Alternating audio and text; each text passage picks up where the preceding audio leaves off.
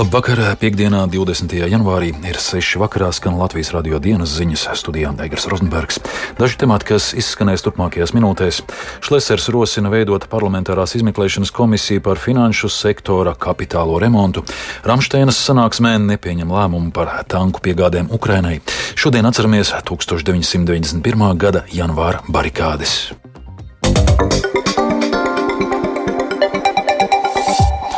Saimā pievērsīsies finanšu sektora kapitālā remonta sekām un vairāku banku darbības beigām.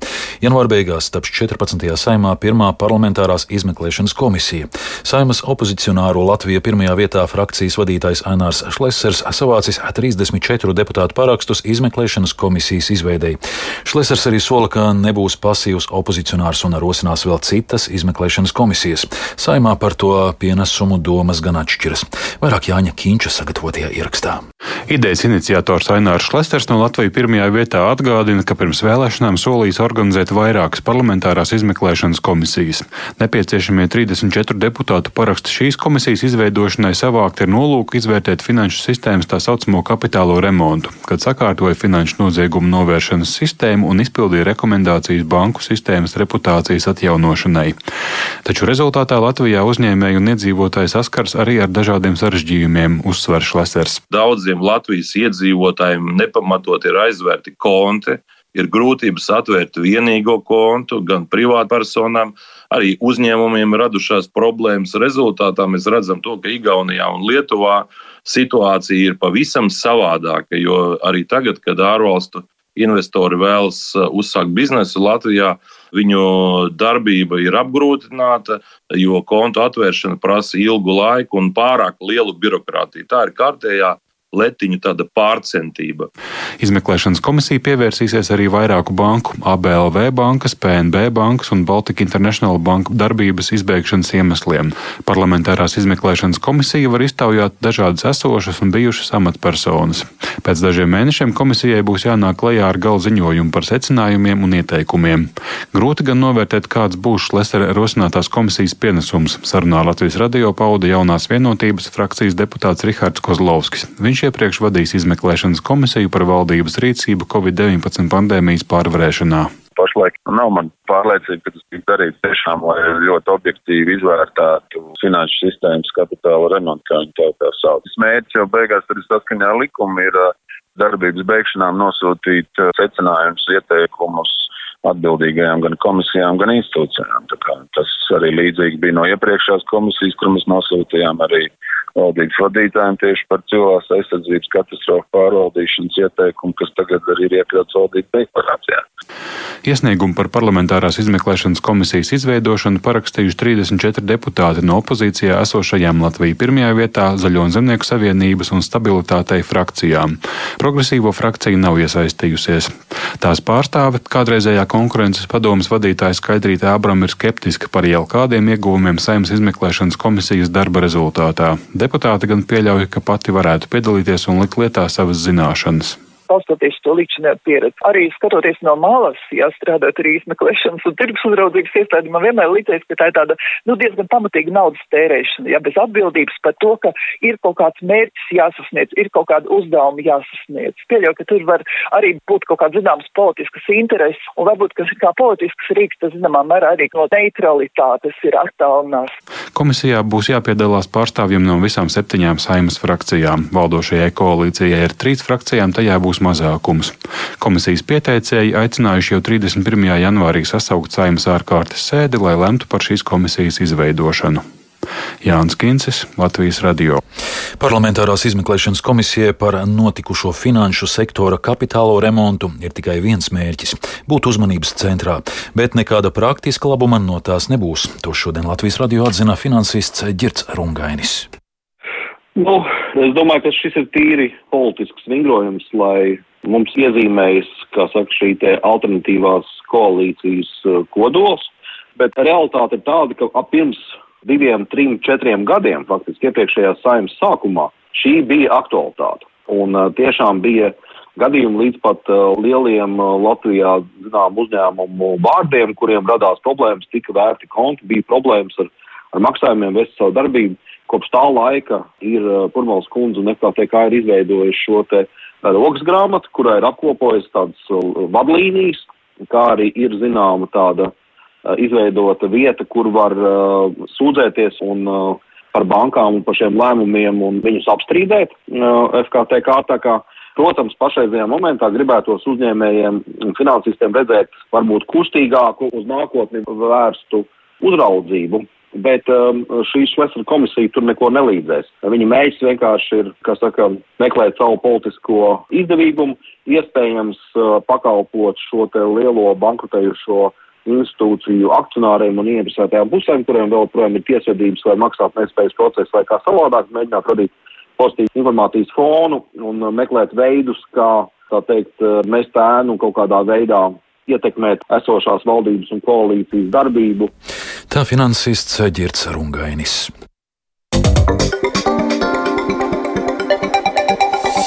Lai spriestu par turpmākām bruņojuma piegādēm Ukrainai, Vācijā Ramšteinas aviobāzēs šodien pulcējās vairāk nekā 50 valstu pārstāvji. Uzmanības centrā bija potenciālās tanku piegādes Ukrainai. Tomēr jaunais Vācijas aizsardzības ministrs Boris Pistorius šodien sanāksmē izteicās, ka tajā nav pieņemts lēmums par Vācijā ražotu tanku Leopard piegādēm Ukrainai. Plašāk stāsta Rihards Plūme. Rietumvalstu pārstāvjus, kas šodien pulcējās Ramšteinas avio bāzē, uzrunāja Ukrainas prezidents Valdimirs Zelenskis, cenšoties tos mudināt palielināt un pātrināt bruņojuma piegādes. I'm grateful to you for the achieved unity. Esmu pateicīgs jums par vienotību. Mēs redzam rezultātus kaujas laukā Ukrainā. Paldies! Redzam panākumus pret mūsu kopīgo pretinieku, un es ticu, ka mūsu vienotība kļūs stiprāka ar katru nākamo Rāmsteinas sanāksmi. Bet vai mums ir daudz laika? Nē, terors nedod laiku diskusijām. Es jums varu pateikties simtiem reižu, bet simtu paldies nav simt tanku. Laiks ir krievu ierocis. Mums ir jākāpina temps, laikam jākļūst par mūsu kopējo ieroci. Tāpat kā pretgaisa aizsardzība un artilērija, bruņmašīnas un tanki, par kurām risinām ar jums sarunas. Un tad mēs patiesi uzvarēsim. ASV un vairākas Eiropas valstis jau pirms sanāksmes paziņoja par papildu militāro palīdzību Ukrainai. Daudzas Eiropas valstis ir paziņojušas par vairāku simtu miljonu eiro vērtu papildu militāro palīdzību Ukrainai. Savukārt ASV ir paziņojusi par bruņojuma piegādēm Ukrainai 2,5 miljārdu dolāru apmērā. Tomēr uzmanības centrā ir tanku piegādes Ukrainai. Jau pirms šīm sarunām pieauga spiediens uz Vāciju, lai tā piekristu Vācijā ražoto tanku Leopard 2 piegādēm Ukrainai. Tomēr jaunais Vācijas aizsardzības ministrs Boris Pistorijus šodien sanāksmē izteicās, ka tajā nav ticis pieņemts lēmums par Vācijā ražoto tanku Leopard piegādēm. Viņš nevarot pateikt, kad tiks pieņemts šāds lēmums un kāds būs lēmums par Leopard par tankiem. Pēc ministra teiktā ir argumenti gan par, gan pret tanku piegādēm Ukrainai, kurus izvirza dažādas valstis. Viņš arī uzsvēra, ka ir radies nepareizs iespējas, ka Vācija vienīgā bloķē tanku piegādes Ukrainai. Und in der Tat haben wir auch über die Lieferung von die mögliche Lieferung von Leopard-Panzern. Mēs runājām par iespējamo Leopard tanku piegādi. Nav vienprātīga viedokļa. Uzskats, ka ir skaidrs atbalsts un Vācija to bloķē, ir nepareizs. Ir daudzi sabiedrotie, kuriem ir tāds pats iespējas kā man. Ir pamatoti iemesli par un pret Leopard tanku piegādi. Visi par un pret ir jāuzklausa. Daudzi sabiedrotie piekrīt šim viedoklim. Šodien mēs nevaram nevaram pateikt, kāds būs lēmums par tankiem Leopard un kad to pieņems. Medijos iepriekš izskanēja informācija, ka Vācijas kanclers Olafs Šolts piegādās Vācijas tankus Leopard vienīgi, ja ASV piegādās līdzvērtīgas kaujas mašīnas, proti tankus Abrams. Tomēr Vācijas valdības pārstāvis šodien norādīja, ka Leopard piegādes Ukrainai nav atkarīgas no ASV tanku Abrams piegādēm. Viņš gan arī norādīja, ka darbības koordinācija ar ASV Vācijas valdībai drošībai ir svarīga. Rihards Plūme, Latvijas radio. Šodien atceramies 1991. gada janvāra barikādes. Dažādi pasākumi notiek jau visu nedēļu, taču Rīgā šodien ir atceres pasākumu kulminācija. Doma laukumā jau no rīta iedegts ugunskurs, atklāta izstāde barikādes Latvijā 1991 un barikādes Ukrainām 2014-2022. Notiek sveču liešana Ukrainas karavīriem, kā arī citas aktivitātes. Vecrīgā valdošo noskaņu devās noskaidrot Agnija Lazdiņa. Es esmu no Kokneses. Jūs atbraucāt šodien speciāli? Jā. Senioriem salasīju, un vēl būs grupiņa pēc 12 no Koknes novada ir šiem. Jau no agra rīta doma laukumā cilvēki pulcējas pie telts, kur var ziedot parafīnu un lietierakumu sveces Ukraiņu karavīriem.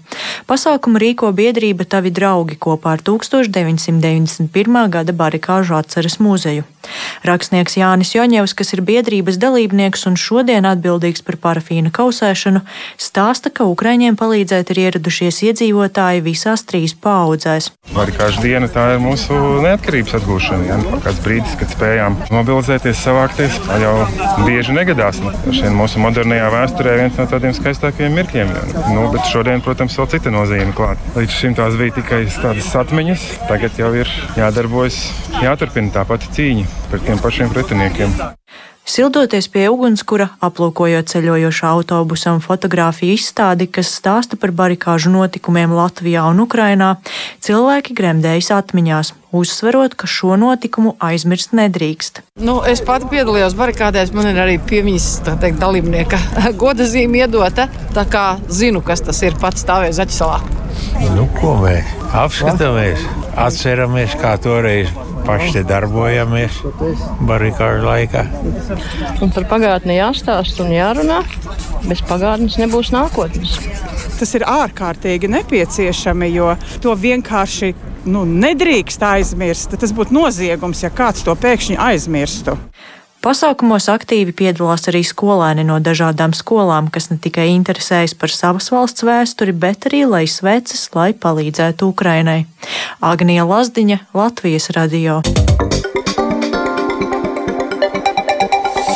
Ar priecīgu vēsti šodien cēlās Latvijas sporta fani. Pirmo reizi karjerā tenisiste Aļona Ostapenko Austrālijas Open turnīrā sasniegusi astotdaļfinālu jeb ceturto kārtu. Latvija ar 6-3, 6-0 pārspēja ukrainieti Katerinu Baindlu. Pirmajā setā Ostapenko veica vairākus netvaramus sitienus, kā arī vienu eisu. Latvija bija uz viņa arī otrajā setā uzvarot pārliecinoši ar 6-0. Latvijas tenisistei pagājušajā sezonā augstākais sasniegums bija astotdaļfināls Wimbledonā. Turpin Turpinājumā Aļonas Ostapenko pēcspēles komentārs.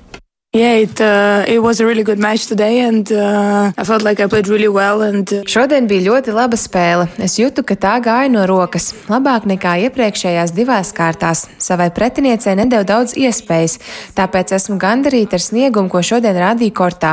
Gada sākums vienmēr ir grūts, jo jāatsāk spēlēt pēc divu mēnešu pauzes, tāpēc ir mazliet pagrūtāk tikt spēļu ritmā. Otrās kārtas spēle bija smaga, jo bija vējains un citi apstākļi. Jūtu, ka parādīju labu spēli trešajā setā šodien bija koncentrējusies, jo līdz šim viņa nebija uzvarējusi. Šajā spēlē patiešām to vēlējos izdarīt, centos darīt visu, lai izcīnītu uzvaru. To, to Aļona Ostapenko astotdaļfinālā jeb ceturtajā kārtā tiksies ar VTA rangas septīto numuru Koko Gofu no ASV. Duelis paredzēts divos naktī no sestdienas uz svētdienu.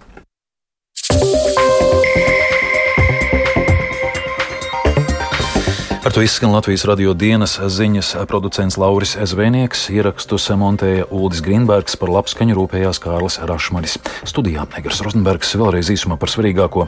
Šlesers rosina veidot parlamentārās izmeklēšanas komisiju par finanšu sektora kapitālo remontu. Ramšteinas sanāksmē nepieņem lēmumu par tanku piegādēm Ukrainai. Šodien atceramies 1991. gada janvāra barikādes. Un vēl par laikapstākļiem. Galvaspilsētā pat Labanā 0 grādu pūš lēns ziemeļu vējš, atmosfēras spiediens 768 mm, relatīvais gaisa mitrums 95%. Kāds laiks gaidāms turpmākajās dienās, vairāk prognozē Toms Brīsis. Brīvdienās un nākamās nedēļas sākumā Latvijā valdīs lielākoties neliels sals. Temperatūra brīvdienu naktīs un no rītiem 0,5 vietām - 7 grādi, bet dienās - 3,2 grādu robežās. Vietām pārsvarā Latvijā un Zemgalē gaidām neliela nokrišņa, smalks sniegs, iespējams arī atkal jeb sīks, smidzinošs, sasalstošs lietus, tādēļ ceļi būs slideni. Bet dienās starp mākoņiem vietām spīdēs arī saule. Nākamās nedēļas sākumā liela izmaiņa laikapstākļos nebūs, debesīm skaidrojoties dažās naktīs vietām sals pastiprinās pastiprinās līdz mīnus 10 grādiem, bet dienās lielākoties ap nulli.